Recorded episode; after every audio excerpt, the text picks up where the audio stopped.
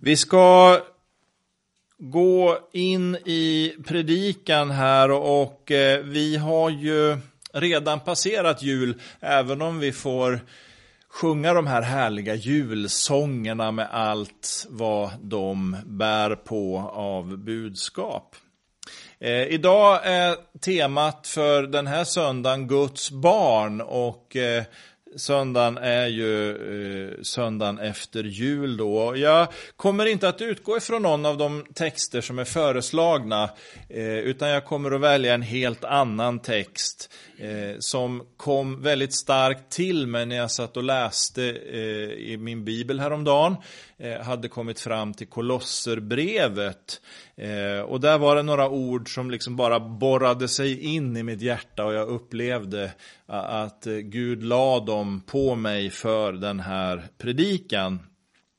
Och har du Bibeln med dig så får du gärna slå upp Kolosserbrevets andra kapitel.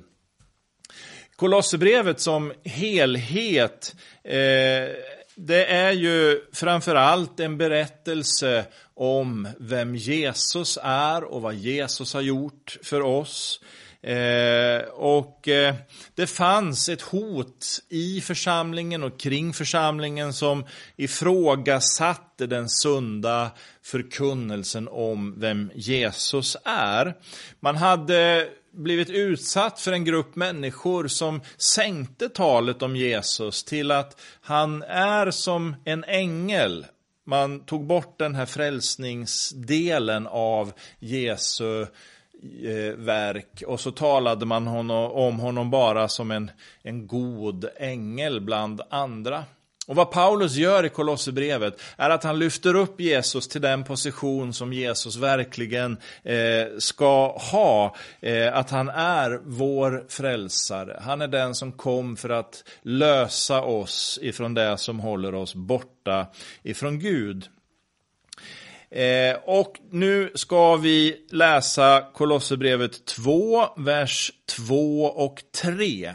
Och jag läser ur Bo Gerts översättning.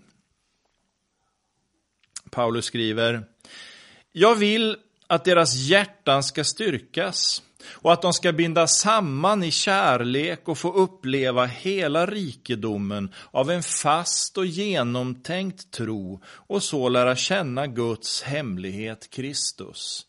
I honom ligger alla visdomens och kunskapens skatter förborgade. Det första Paulus tar upp här, eh, det är något av en slags programförklaring, skulle man kunna säga. Han har talat om att deras hjärtan ska styrkas. Eh, och det här ordet styrka, det kan man översätta på lite olika sätt. Dels kan man ju se det som något ständigt växande, något som är i en process att bli något mer. Eh, men sen kan man också använda lite andra ord för det här och backar vi lite ifrån just det sammanhanget och ser mer på hur Paulus talar som helhet när han undervisar så kanske man skulle kunna använda ordet befäst i det här sammanhanget, en liten annan nyans. Att deras hjärtan blir befästa, att de får en djup förankring i något. Eh, vi vet ju inom medicinvärlden när man talar om hjärtat att det är viktigt. Och går vi till Ordspråksboken så säger ju Ordspråksboken att vårt liv utgår ifrån hjärtat. Så den tanken bär Jesus med sig när han förkunnar och undervisar. Han talar ju till exempel om att, att vad munnen talar, det är ju det som finns i våra hjärtan. Det utgår andligt sett därifrån. Eh, och så säger han också att där eh, vår skatt är, där finns vårt hjärta. Och skulle man använda ett ord idag som är ja, ska man säga ett inneord, så skulle man väl i det här sammanhanget kunna tala om värdegrunden. Vad finns det i våra hjärtan för grundläggande tankar och idéer? Och man kan sammanfatta Paulus huvudtanke här med orden att hans längtan är att människorna som han möter ska få en stabil grund att stå på. Och när vi nu tänker på Ordspråksboken till exempel, att livet utgår ifrån hjärtat, så förstår vi att apostelns ord är ju knappast anspråkslösa. Det handlar om vad våra liv bygger på, vad vi har för framtid. Ungefär som Jesus avslutar bergspredikan med en liknelse om husbyggarna. Du kommer ihåg, den ena byggde på sanden och den andra byggde på stengrunden. Och så blir det prövningar eh, och det som är byggt på den stabila grunden är också det som står fast och emot prövningen. Det andra Paulus talar om är gemenskapen, församlingen, som ska bindas samman i kärlek. Här använder han ordet agape som är den kärlek som, eller det ord för kärlek som grekerna använde för att tala om den direkta relationen och kontakten med Gud fader själv den gudagivna kärleken. Och det är den församlingen ska vara samlad kring och bunden tillsammans i.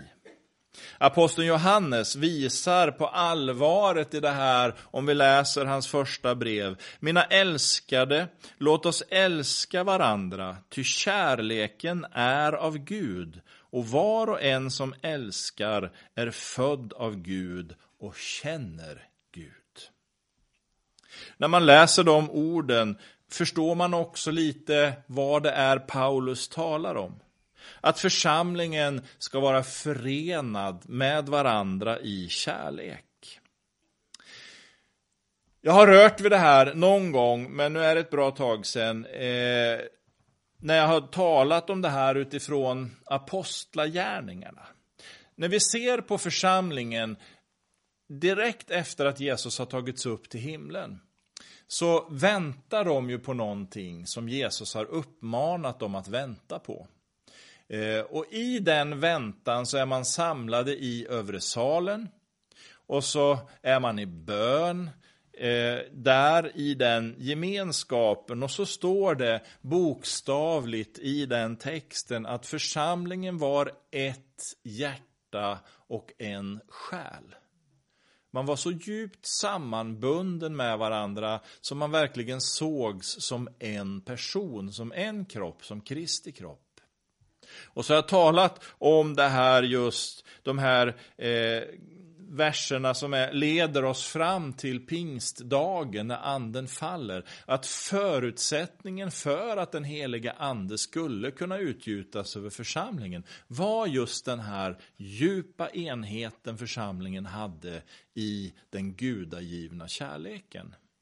Hade den saknats, då hade inte heller pingstdagen blivit ett faktum.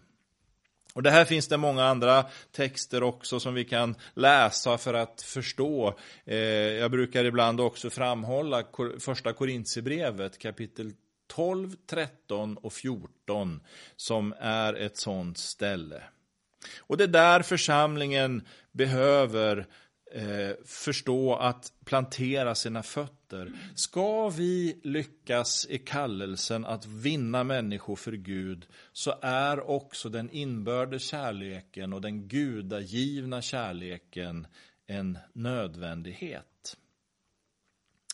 Så kommer det tredje ledet i texten där Paulus önskar att de ska få uppleva hela rikedomen av en fast och genomtänkt tro. Och det här är någonting som vi verkligen behöver påminna oss om och tala om idag. För ser vi oss runt om i samhället, hur det ser ut idag, så är det ju så att det här med kontinuitet och fördjupning kanske inte är det första man får höra. Allt ska gå snabbt. Det ska helst vara lättvunnet. Det är känslor som ska styra före kontinuiteten. Och så hoppar man från tuva till tuva allt eftersom att tillvaron förändras och känslorna ändras. Men återgår vi till den första tanken som jag rörde vid om husbyggarna och den fasta grunden ser vi att det här är ju bara en naturlig följd. Jag brukar säga att vi kan aldrig påverka Guds ord. Vi kan bara påverka hur vi själva väljer att förhålla oss till Guds ord. Men det där blandar folk lätt ihop och jag vet inte hur ofta jag hör folk komma med märkliga omtolkningar av Guds ord. Jag minns ett skräckexempel när jag studerade teologi så var det en av mina lärare som talade om just det här i ett känsligt ämne. Vi vet idag mer än vad Paulus vet tack vare vetenskapen och därför måste vi ta bort de här orden som Paulus har skrivit. Även, eller inte minst då, när det skaver mot vår tids uppfattning. Men nu skriver Paulus, och det här är jätteviktigt, att han önskar att de som nu läser det han talar om ska få uppleva hela rikedomen av en fast och en genomtänkt tro. Vågar man ställa sig på den grunden, även om den bryter mot vår tids normer och föreställningar, så kommer man också att få uppleva styrkan i Guds ord. Överlåter man sig till Herren i tron att han också får bära oss och verka genom oss, blir det ju uppenbart att den Gud som vi tillber och tror på faktiskt är hela universums Herre. Han står över allting och han vill ge oss av sitt goda. Det finns en rikedom i en fast och genomtänkt tro. Och så blir det fjärde en direkt konsekvens av detta, och jag har redan rört vid det. När vi låter våra hjärtan bli styrkta av Guds ande, när vi lever i den gudagivna kärleken med dess band emellan oss och när vi förstår värdet av den fasta och genomtänkta tron, då lär vi också eh, oss att känna Jesus. Det är nämligen inte alltid den snabbaste vägen och den enklaste vägen som leder oss rätt. Och vad det gäller Herren så vill han ibland se vad vi verkligen menar med våra utfästelser och tankar. Är du seriös och allvarlig i att du vill tillhöra mig och följa mig? Är kärleken till Jesus sann? Om vi ihärdigt söker honom så kommer vi också att finna honom. Och då landar vi det sista och femte som Paulus säger i de här två verserna som jag har tagit ut för min predikan. För i honom ligger alla skatter förborgade.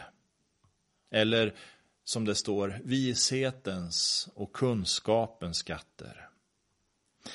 Skulle vi studera innebörden just i de orden så förstår vi också väl vad Paulus skriver om i problematiken i Kolosserbrevet eller i Kolosseförsamlingen. Men det ska vi inte göra utan det är frågan om Guds barn, om lärjungaskapet här idag. Och därför pekar jag hellre på det, det lilla ordet som står före visdomen och kunskapen. Fyra korta bokstäver ordet alla. Det finns nämligen en sån styrka i Herren att får vi tag på honom och låter honom fylla oss med sitt goda. När vi överlåter oss till honom, då behöver vi heller ingenting annat än Herren.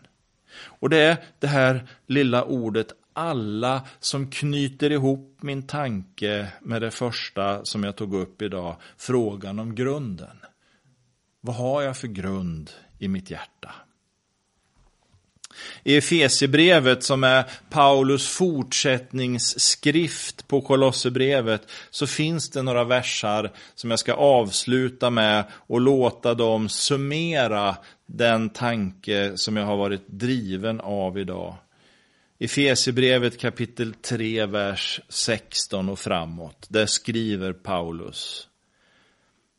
Jag ber att han efter sin härlighets rikedom låter er växa till i kraft till er invärtes människa genom sin ande.